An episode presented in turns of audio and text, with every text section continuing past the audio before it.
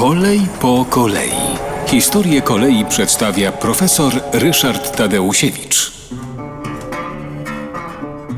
Po konstrukcjach, odkryciach i sukcesach Wernera von Siemensa budowę e, różnego rodzaju elektrycznych elektrowozów, czyli odpowiedników lokomotyw, podjęto właściwie na całym świecie i do dzisiaj to jest e, wiodąca dziedzina. W chwili obecnej e, właściwie gdziekolwiek się znajdziemy, to będziemy widzieli te elektrowozy ciągnące zarówno pociągi pasażerskie, jak i takie wyładowane towarami, oczywiście właśnie napędzane prądem.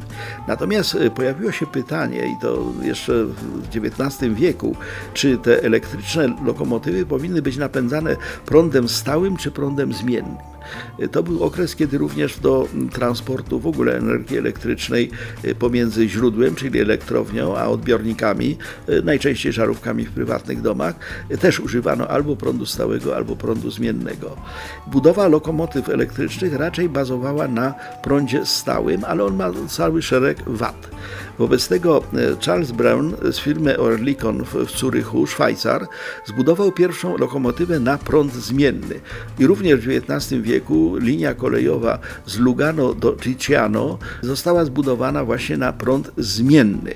Dlaczego prąd zmienny ma tutaj swoją przewagę? Po pierwsze, łatwiej się go przesyła, można go na transformatorach regulować jego napięcie, ale po drugie, silnik elektryczny prądu zmiennego jest o wiele prostszy w konstrukcji i bardziej niezawodny niż silnik prądu stałego. W chwili y, obecnej y, w Polsce, ale tak samo we Włoszech, w Czechach, Belgii, Rosji, używa się prądu stałego.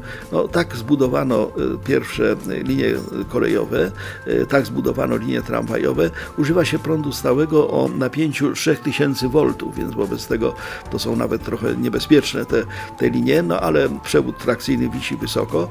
No i w związku z tym stosuje się prąd stały do dzisiaj.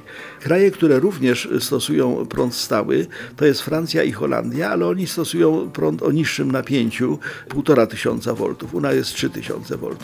Natomiast prąd zmienny do napędu pociągów na całym terenie y, mają Niemcy, Austria i Szwajcaria i wobec tego y, no, przejeżdżając granicę no, Polski y, musimy przełączać nasze elektrowozy z prądu stałego na prąd zmienny.